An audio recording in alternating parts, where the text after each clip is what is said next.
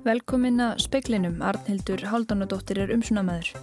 Hlutabótaleiðin var markfalt dýrari en lagt var upp með að mati ríkisendurskóðanda. Hann gaggrinir í nýri skýslu að ekki hafi verið eftirlit með þeim fyrirtækjum sem settu starfsfólk á hlutabætur. Hilbreyðisraðura segir ummæli Kára Stefánssonar um sína personu ekki skipta máli í því verkefni sem verið sé að fást við. Hún segir framlag íslenskrar erðagreiningar vera ómetanlegt. Fristi og fiskvinnsluhús Hrísæjar Seafood eru rústir einar eftir bruna í nótt, en er ekkert vitað um upptök eldsins. Veitingahús verða opnið í Fraklandi í næstu viku. Frönsk stjórnmöld stiðja að ferðatakmörkunum innan Europasambandsríkja verði afléttum miðja næsta mánuð. Og brottkvarfur framhaldsskólum mingaði eftir að stjórnmöld stittu námstíma til stúdensprófs, þetta sínir ný skísla. Þó að markmið frumvarp sem skipan sendiherra sé að fækka þeim gæti þeim fjölgað sangat ákvæðum í nýju frumvarpi. Samtök gegn spillingu vara við því að frumvarpið verði afgreitt með hraði. Og breska stjórnin berst nú við að koma efnaðaslífin í gang en glýmir við áhrifin af óskýrum skilabóðum og ráðgjafanum sem braut ferðabannið. Ríkisendurskoðandi gaggrínir að vinnumálastofnun hafi ekki eftirlit með þeim fyrirtækjum sem settu starfsfólk á hlutabætur og segir að skýra þurfi í lögum um framlengingu hlutabótaleðarinnar hvaða fyrirtæki hafi heimild til að óska eftir þessu úræði.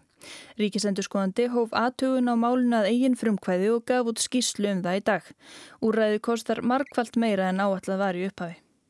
Í skýrslunu kemur fram að hlutabótaleiðin hafi reynst mun dýrari en áallat hafi verið til að byrja með. Gert er ráð fyrir að kostnaður ríkisjóðs verði rúmir 30 miljardar á árinu en upphaflega var talið að hann yrði 750 miljónir. Einnig segir að í hópið er að fyrirtækja sem nýtt hafi hlutabóta leiðina séu fyrirtæki og samstæður sem búi að öflugum rekstri og stöndugum efnahag en ekki hafi verið ætlunin með lögunum að styðja slík fyrirtæki. Að mati ríkisendurskoðunar þarf að tryggja virt eftirlit með úrræðinu þegar í stað. Rúmlega 37.000 manns hafa fengið atvinnuleysi spætur í gegnum úrræðið. Það eru starfsmenn hjá 6.436 vinnuveitendum. Allt stefnir í að heldarkostnaður ríkisjós á árinu verði 31 miljardur króna. Lögum hlutabætur eru ekki margorð um þau skilirði sem þarf að uppbylla til að fá hlutabætur, að því er segir í skýslunni. Hvað launamenn varði hviðu þau áum að þessi tímabundin samdráttur í starfsemi vinnuveitenda en að í tilviki sjálfstætt starfandi einstaklinga verði að vera verulegu samdráttur í rekstri sem leiði til tímabundina stöðvunar. Ríkis endurskoðandi segir að laugin hafi ekki að geima frekari skilgreiningar á því hvað félist í tímabundum samdrætti eða hvað teljist verulegur samdráttur. Dagni Hulda Erlendstóttir saði frá. Fristi og fiskvinnsluhús Hrísegar Seafood eru rústir einar eftir bruna í nótt og ljósta tjónið er gríðarlegt ekki síst fyrir atvinnulífi eiginni. Enn er ekkert vitað um upptök eldsins en tæknideild lauruglunar tekur við vettvangi þegar slökkvistarfi líkur í kvöld. Slökkulismenn dæla enn vatni á húsin en þó að tekist hafið að slökkva eldin upp úr klukkan tíu í morgun eru enn glæður hér og þar. Í fristihúsinu er svefn aðstæða þar sem eitt starfsmæður fyrirtækisins svaf um nóttina. Hann var nývaknaður þegar eldurinn kviknaði og tókst að koma sér út og ringja í neðalínuna. Um 30 slökkulismenn réður niðurlögum eldsins og dælustarf heldur áfram í dag að sögn Ólafs Stefánssonar slökkulistjóra. Já, núna verðum við hérna með sprau, hérna, að spröyta vatni næstu klukkutímana með að ríkur en þá úr þessu mm. og síðan bara þegar, að, þegar eldurinn er úti þá afhendu við lauruglu vettvangin og og þá taka eigundinu við sko. Vindáttin var afar óhagstæð og svartur reykur barst yfir alla byggðina. Opnuð var fjöldahjálparstöð í grunnskólanum sem einhverju nýttu sér. Ástildur Sturldudóttir bæjastjóri Akureyrar kom til Hrísér eftir hádegið til að kanna aðstæður og heilsa upp á fólk. Ljóstir að tjónið er gríðarlegt. Fiskvinnslan er stærsti vinnustæður Hrísér en þar starfa 15 mann svo eru gerðir úr tveir fiskibátar. Óvist er hvert framhaldið verður og íbúar eru slegnir að sögn Kristins Frímans Árnasonar sem býr í Hrísei. Já, þetta er alveg gríðalegt áfall. Þetta er að segja stærsti vinnustæðin í eiginni og, og búin að vera það frá lang, lang tímum saman og, og þetta verður, ég veit ekki hvað svo sem eigandur nýju gera núna en, en þetta verður, já þetta er gríðalegt blóttaka. Kæligemstur allar voru fullar af fiski og, og það beði fiskur á bryggjunni kl. 7 í morgun sem átt að koma hinga í vinslu í morgun, þannig að þetta Já, þetta var eins og þetta var mikið áfall. sagði Kristinn Fríman Árnason Þórhildur Þorkelsdóttir tók saman. Svandís Svavarsdóttir heilbriðisráðara segist ánæð með að íslensk erðagreining virðist alltaf koma á skimun vegna opnunar landamærarna. Framlag fyrirtækisins hafi verið ómetanlegt. Kári Stefánsson, forstjóri íslenskar erðagreiningar, var gaggríninn á heilbriðisráður í Kastljósi í gerkvöldi. Ráþera hefði ekki þakka fyrirtækjunu fyrir framlag sitt í baróttunum við COVID-19. Það hefði ekki verið haft með í ráðum og sagði helbriðisráþera vera hrókafulla eins og litla tíu ára stelpu. Þessi verkefni sem við erum í núna er náttúrulega miklu mikilvægari heldur en ummæli fólksum einstaklinga og mín persóna skiptir engum áli í þessu efni. Ég bara vinn að þessu verkefni að heilendum eins og ég hef gert hinga til og, og læt bara einhver ummæli um mína persónu líka með hluta segir Svandi Svavastóttir helberiðsráþara. Hún segir COVID-máli vera hendi margra ráðanæta en það þurfa að hugað sóttvörnum, lagabreitingum, samgöngum og fleiru. En það sé forsættisráðanætis að halda utanum það. Hún segir að Kári Stefánsson hafði verið hafið með ráðum á fyrir stígum þegar máli var í höndum með ráðanæti stjóra. Mér finnst nú eila aðalatriði núna vera það að ég held að hafi verið leist úr miskilingi og ágreiningi og ég held að sé svo sem ekkert uh, stórmál þó að komi einstakinn hnökrar á svona flókinni leið. Verið sé að stilla saman strengi en það er mjög margi sem að málinu koma hér eftir sem hinga til. Lítið sem ekkert var minnst á íslenska erðagreiningu í skýrslu verkefnastjórnar um skíman og landamærum. Hólmfröðu dagni Fríðansdóttir fréttamaður spurur á þeirra hvort ekki hefur eðlilegt að hafa íslenska erðagreiningu með í ráðum. Við erum komin að framkanta fassanum sem er raun og veru næsti fassi. Uh, þá finnst mér það algjörlega liggja augum uppi og ég er ekki betur en að íslenska erðagreining sé tilbúin til þess að koma borðinu núna og ég bara er ána með það og, og aðkoma þeirra og framlag hefur auðvitað verið algjörlega ómetalegt í, í barátunni og við sjáum það í allri umræðu þegar við erum að tala um það hversu margir hafi verið skimaður á Íslandi og það er auðvitað gríðarlega stór þáttur í okkar árangri og, og ber að þakka fyrir það. Saði Svandi Svæðstóttir Haugur Holm tók saman. Rætt verður við domsmálar á þeirra um verklag í kringum skimununa síðar í speklinum. Ráðgjafafyrirtækið Kapasend EHF óskaði í dag eftir að verða tekið til gjaldtrótaskipta. Í tilkynningu frá frámkvæmdastjóra fyrirtækisins segir að reynd hafi verið að berga því frá fallið síðustu vikur. Sangat heimasíðu fyrirtækisins störfuðu þar um 50 manns. Veitingamönnum í Fraklandi verður heimilt frá næsta þriðudegi, öðrum júni, að opna matsulustæði sína bari og kaffihús. Þeim var lokaðum miðjan mars. Almenningsgarðar verða einni opnaðir að nýju eftir helgi. Já, framt hafa fransk stjórnvöld ákveðið að vel aðtuguðu máli að ferðatakmörkunum verði aflétt, þannig að landsmönnum verði liftað ferðast lengra en 100 km frá heimilum sínum. Eduard Filip fórsættisar á þeirra sagði þegar hann kynnti tilslaganirnar að fólki bæri ennað hafa varan á vegna hættu á að smitast af koronaveirunni. Það virði því að halda sig í hæfilegri fjarlað hvert frá öðru og fleiri en tíu mættu ekki sapnast saman. Kvikmyndahús verða lokuð í Fraklandi ennum sinn en leikhús fá að taka til starfa annan júni. Sundlögar og líkamsræktarstöðvar verða einnig opnaðar. Næstu breytingar á varður ástofunum vegna koronaveirunar ganga að líkindum í gildi 21. júni.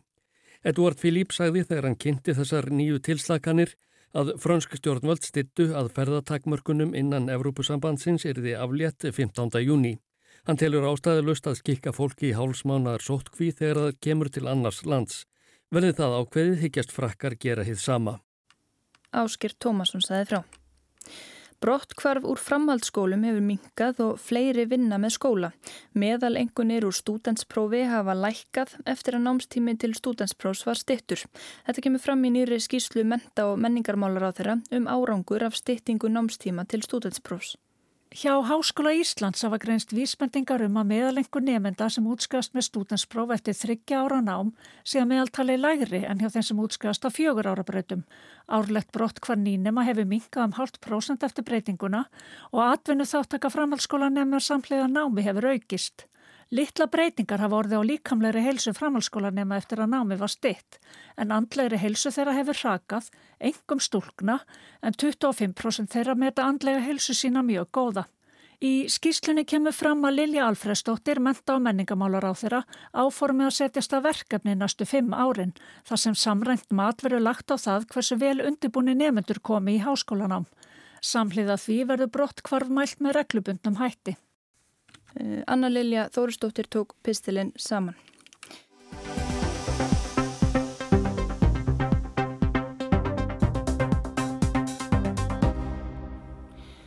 Í skýslu verkefnastjórnar um sínatökuna sem stemtir að því að koma fót á Keflavíkur flugvelli fyrir 15. júni kemur fram að það gætir einst lögreglunni erfitt að bregðast við ætli ferðamenn sér að hunsa tilmæli yfirvalda. Það er þá að koma vottors lausir og sleppa bæði sótkvi og sínatöku. Í skýslunni segir að lögreglan þurfi hafa skýra heimil til að vísa fólki sem að þannig haga sér úr landi en ekki sé víst að þessu til staðar. Áslögarna Sigurbjörnsdóttir, dómsmálar að þeirra velkomin í speilin. Takk fyrir. Kanski fyrst bara vendingar síðustu daga. Kári Stefánsson eh, hefur líst yfir að vilja sótvatanlæknir hafi yfirumsjón með sínatökunni á vellinum og því annars komi íslensk erðagreining ekki aðinni. Hvað finnst þér um útspil hans og, og já, þessar síðustu vendingar? Það er auðvitað alveg ljóst að eftir eh, að greining lág fyrir á hvað veirudel gæti skíma mikið á dag að ef við ætlum að greina fleiri en 500 einstakling á dag að þá verðum við að fá annan aðila og sá aðila er auðvitað íslensk erðagreining og það er auðvitað bara mikilvægast að við finnum þann hátt á sem uh, hendar öllum og að við getum ráðist í þessa framkvæmda því að við erum að uh, miða við að taka næstu skref á þess að flýta um og of og þegar ennþá er frekar rólegt til þess að aðtuga hvernig skimunin gengur og sjá hvort að einhverju reynist COVID-smitaðir og erum að vinna auðvitað allt sem þarf til þess að geta framkvæmt þetta núna 15. júni og það eru auðvitað bara markmiðið og við hljóttum að finna út úr, út úr þessu. Já, þú er björnsin á það. Já. Það voru mörg álítamál í skýslu verkefnastjóðarinnar og eitt þeirra var hvort að lauraglan hefði nægar heimildir til að vísa fólki sem að þá ætlar ekki að hlýða sótananlögum úr landi uh, og hvort að fólk þurfi að vera bara með staðferstan smittsjúkdóm til þess að það megi vísa því frá. Hvernig sér þau fyrir þér að þetta verði tryggt og skýrt? Já, það eru frávísunar heimildir í lögum er varða svona almanna heilbreyði um, um, og það eru þetta hægt að byggja því það er raunar útlendingastofnum sem tekur þá ákvörðun og svo er þetta aðeins mísjönd milli borgara annars vegar innan ES og eftirsvæðisins, ESP-svæðisins og síðan auðvitað utan. Um, það eru auðvitað það er bara að tryggja það að framkvæmdinn sé í lægi. Eh, við ætlum að hafa þennan háttin á landamörnum okkar í stuttan stund. Um, ég held að það sé svo sem bara framkvæmdar aðtriði, almanna heilbreyði er þá byggt á sóttvarnar áðstöfnum hverju sinni og við þurfum bara að sjá hvort að eh, við færum heimildina til lauruglunar eða framkvæmum þetta bara með útlendingastofnun með einhverjum hætti.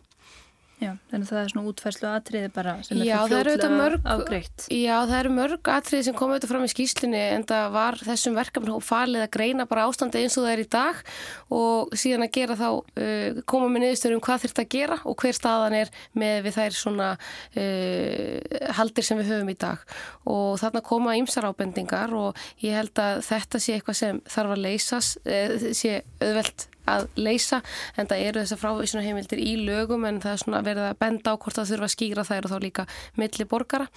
Um, við erum auðvitað bara fyrst og fremst að reyna að framkvæma þetta þannig að fólkið hafi val um að koma að og gera kannski ráð fyrir því að það verði ekki mikil ströymur. Við áttum okkur kannski ekki fyllilega á hver ferðavilgin er í heiminum, e, síðan auðvitað hvaða flugsamgöngur verði í bóði en við munum auðvitað sjá það kannski fljótt og heyrum svo sem meiri áhuga en við byggumst við af því að Ísland hefur náða árangri í sóttvarnar e, aðgerðum en líka því að við erum strjábíl land og hér er auðvelt að kannski að ferða svolítið einangraður og það var auðvitað það sem sóttvarnarlagnir sagði líka svona upphafi veirunar að ferðamenn er í minna sambandi og minni smitt svona sambandi sambandi við fólk eins og Íslandingar kannski. Já, minni hætti þeim. Uh, er alveg, liggur alveg fyrir hvernig er þið staðið að þessum brottvísunum, hver myndi borga þær og allt þetta? Það er bara það eh, sem nefndin eru auðvitað að uh, skila til okkar að við þurfum að útfara og það er hópur á vegum uh, ríkis, undir uh, fórustu ríkislauglustjóra sem er að aðtöða hvort það þurfa að gera eitthvað lagabreitingar eða hvaða reglugerð þurft að setja til að þetta sé framkvæmt sem best þannig að það leikur ekki alveg fyrir nei en þetta hefur auðvitað komið upp og hefur komið upp núna fram að þessum tíma að því að við erum hér með 14. daga sótkvi og ef fólk vil ekki hlýta því að þá hefur verið þurft að uh, nýta þessar heimildir. Já. Hvernig á að meta það á flúvöldinum hvort að fólk ætla sér að fara í sótkvi eða ekki? Getur það bara að haka einhver dreit á einhverju formi satt, já ég ætla í sótkvi og svo kannski bara hoppa út í bílulegu bíl og gert eitthvað og gert það sem því sínist eða hvert verður runni eða verður lauruglan með einhvert eftirlit með ferðamennum til að tryggja að þeir fari í sína sótkví ef þeir hafa ekki valið að fara í skimi? Já, ég held að tillaga eh, allavega eina af þeim tillögum sem upphafa komið til að tryggja það að fólk eh, fari í sótkví að það sé með bókað eh, annarkort gistingu þessa 14 daga og geti sínt fram á þá bókun eða þá að það séu þetta Íslandingar eða einhverju sem hérna ætla hýsa viðkomandi e, í þessari sótkví og svo eru þetta líka kannski Íslandingar sem eru að koma heim og geta þá líka haft þetta val. Um, og ég held að það í því felis kannski eftirliti fyrst og fremst. Síðan eru við þetta að kveitja fólk og beinum því að fólki sem eru að koma hér inn til landsins að sækja sér smittrakningar appið e, við erum með öðruvísi appir margir en það er þannig að það er bara upplýsingarna fyrir þig nema þú ákveðir að deila þeim með uh, yfirvöldum. Uh, ef upp kemur smitt þannig að við erum auðvitað að reyna miða við það að fólk fái sér þetta smittrækningar app og það hendi ferðamönnum einnig vel og nú er unni hörðum hundum að því.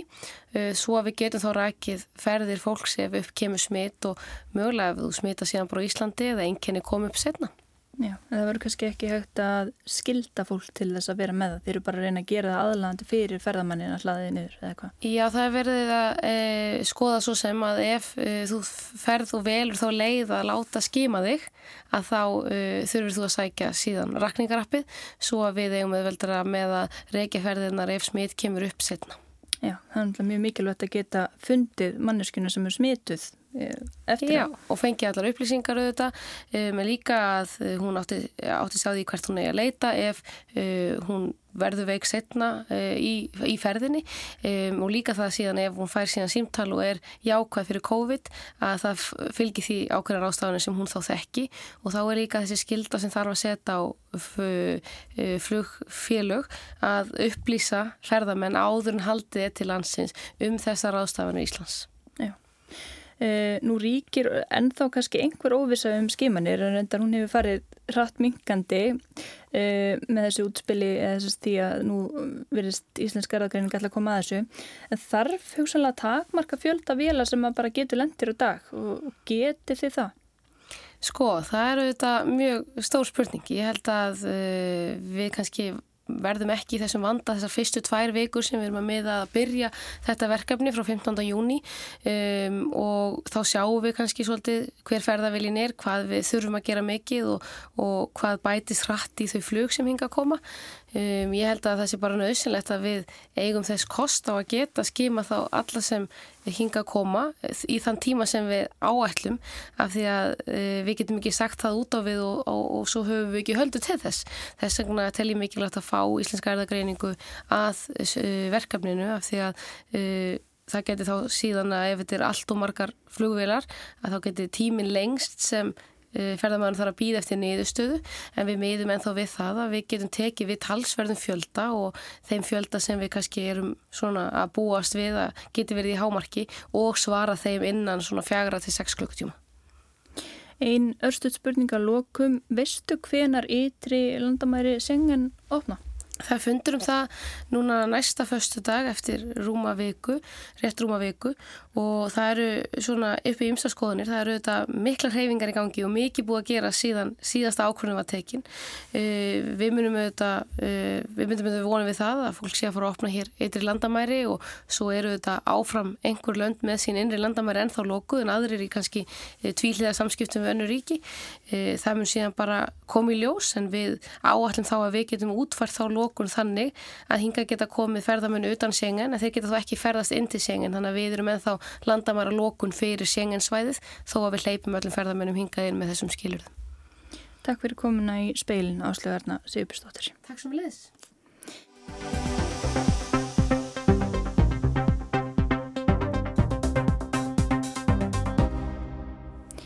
Þó að markmið frumvar sem skipan sendiherra sé að fækka þeim gæti þeim fjölgað sangat ákvæðum í frumvarpinu. Sendiherra segir það illa raukstutt og rugglingslegt. Hann vil að frumvarpi verði dreyið tilbaka. Gagsægi samtökjag spillingu vara við því að frumvarpi verði afgriðt með hraði. Lögum réttindi og skildur starfsmannaríkisins skilda um starfsmennu utanríkisráðrættisins eins og aðra ofinbera starfsmenn. Laugin hveða um þá almennu reglum að laus ennbætti skulu auglýsa í lögbyrtingablaðinu. Í lögum um auðaríkistjónustu Íslands er hins vegar heimilt að víkja frá þessari reglu hvað var þar skipun bæði ráðunitistjóra og sendiðra. Í gegnum tíðina hefur ráð þeirra eða auðaríkistráð þeirra skipaði í stöður sendiðra. Stöður þeirra hafa sem sagt ekki verið auglýstar. Pólitískar skipanir í sendiðra ennbætti hafa oft á tíðum verið mjög umdeldar. Núgildandi lögum auðaríkistjónustuna veitir áþverjum álflokksins í raun algjörlega frjálsar hendur með skipur sendiðra svo framarlega sem viðkomandi uppfyllir lágmarkskröfur sem gerðar eru til ríkisstarfsmanna. Embættin eru undanþegin auglýsingaskyldu, ekki eru tilgreindar sérstakar hæfniskröfur og raunin er sú að sendiherrum hefur fjölgað jafnt og þétt undanfarin ár.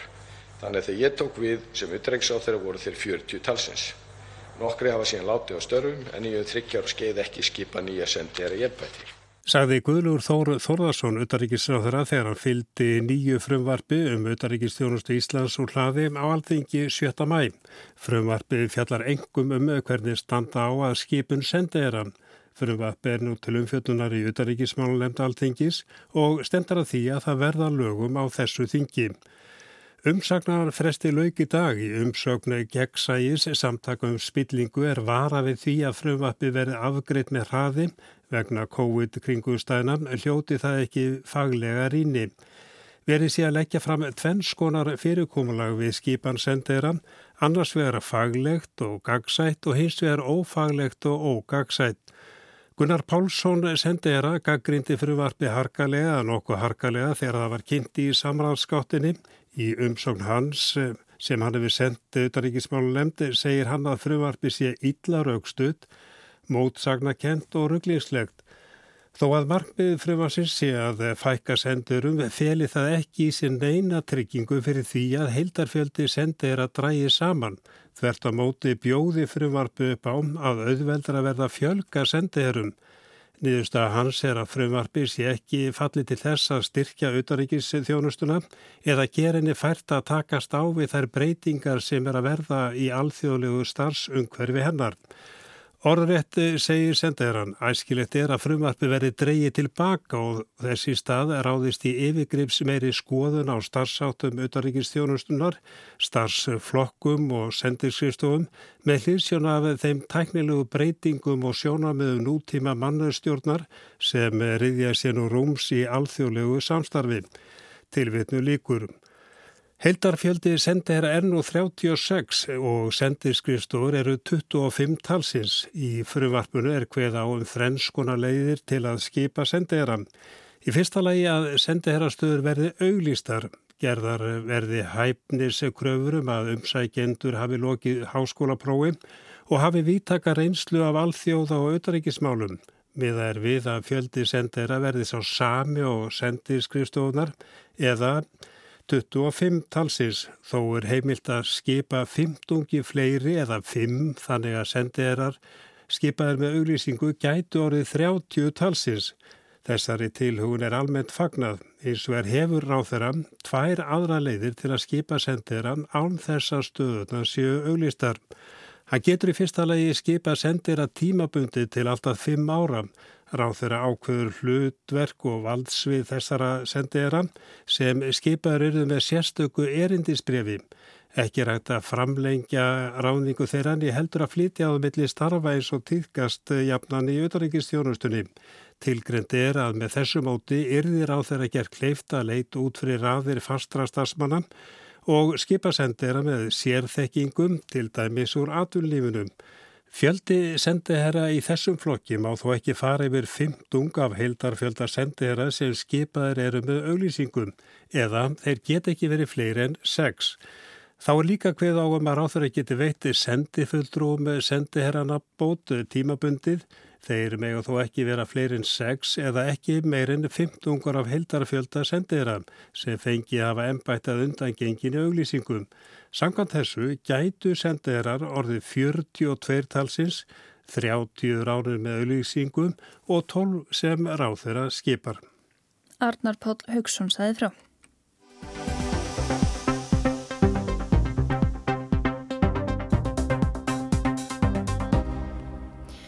Síðdegis kynnti breskar stjórnin í áformum léttingu veirubanna. Stjórnin rekst þó undan erfiðum málum, bæði sjálfsköpuðum vanda eins og broti nánasta raðgjafa forsætsræðura á ferðabanni og svo hvernig eigi að vinda ofan að ferða og samkominnbanni. Og svo er það Brexit. COVID-19 faraldurinn er yðurlega borin saman við spænskuveikina sem herjaði á heiminn fyrir réttrumri öld. Fjölmiðlar þess tíma, prentmiðlarnir, byrtu vissulega stöku frettir um veikina en annars sér henni varðla stað í blöðunum og sem sjá má af þingtíðindum þeirra tíma var hún líkt rætt í þingsölum.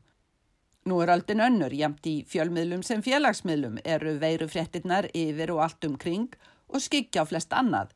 Stjórnmálamenn koma daglega fram á sjónarsviði til að ræða framvinduna sem hér í Breitlandi hefur verið heldur daburleg dánartalan hér orðin svo hæsta í Evrópu. Hvort sem remmingarnar verða munaðar síðar meir, fyrst og fremst sem efnahagsremmingar eða heilsuvá eða hvortvekja, þá er ljóst að eftirmæli ríkistjórnarnar og þú engum fórsætsráð þeirra eru samtvinnuð veirufaraldrinum. Í vikunni satt Boris Johnson fórsætsráð þeirra fyrir svörum hjá nokkur skonar eftirlitsnefnd þingsins, skipuð formönum þingnemda Hlutverk hennar er meðal annars að yfirheyra fórsætsráþurra þrísvara ári um helstu þingmálinn. Johnson hefur þó ekki mátt vera því að sitja fyrir svörum nefndarnar fyrir nú. Fórsætsráþurra var rækilega spurður út í málefni nánasta ráðgjafa síns Dominic Cummings sem hefur átt aðtegli fjölmiðla og landsmanna síðan fyrir helgi að upplýst var um ferðir Cummings í mars og april sem lögreglan telur nú brot á ferðabanni. Meg Hillier, þingmaður verkamannaflokksins, spurði fórsætsráðra hvort hann hefði ekki áhyggjur af að skilabóð hans og stjórnarnar um bóð og bönn virtust ekki sérlega skýr. Cummings hefði ljóslega vita hvað hann mætti en allir aðrir vissu það greinlega ekki. So are you concerned now that the message during lockdown was so unclear that your own advisor did the right thing but the rest of us didn't understand what we could do? Nei, fórsætsráðra taldi nú ekkert fara millir mála. Þingmaðurinn greip fram í fyrir fórsætsráðra, hún væri ekki svo eina sem hefði fengið hreinu skilabóða frá kjósandum sem nú veldu fyrir sér hvað mætti og hvað ekki. Þetta skipti máli því það væru enn heilmiklar hvaðir á þjóðinni. Fórsætsráðra saðist ekki sammála, hann sæði af tölum að fólk væri að fylgja reglunum. If, you, if uh, so unclear uh, or is so unclear. I, I, really dispute that. Actually, we're, we're, I'm looking at the figures every day. We're seeing continual uh, compliance of, of a fantastic level by the British public. Í stóra samhenginu má spyrja hvaða áhrif Mál Cummings hafi. Í litla samhenginu hér og nú hefur fylgi Johnsons og ríkistjórnarnar fengið rækilegan skell. Trú kjósanda á Johnson snar lækkað um helgina eftir komingsfrettinnar í framhaldi reyndar af minkandi tiltrú kjósanda undanfarið. Kýr Starmer, nýkjörinn leðtói verkamannflokksinn, stendur aðeins betur en áður og flokkur hans saksar á forskot stjórnanflokksins. Sem stendur glýmir stjórnin við að vinda ofan af samkomu og ferðabanni sem enn er verulegt. Skólar en lokaðir en stjórnin leggur allt kappa á að yngstu og eldstu krakkarnir fara að komast í skólan. Meðan fórsætsráð þeirra lísti því fyrir þingnemdini hvernig stjórnin hefði búið í hæginn fyrir opnun skólana, fekk tíðindamaður speilsinn skilaboð frá móður í London sem var einmitt að hlusta á þingnemdarfundin.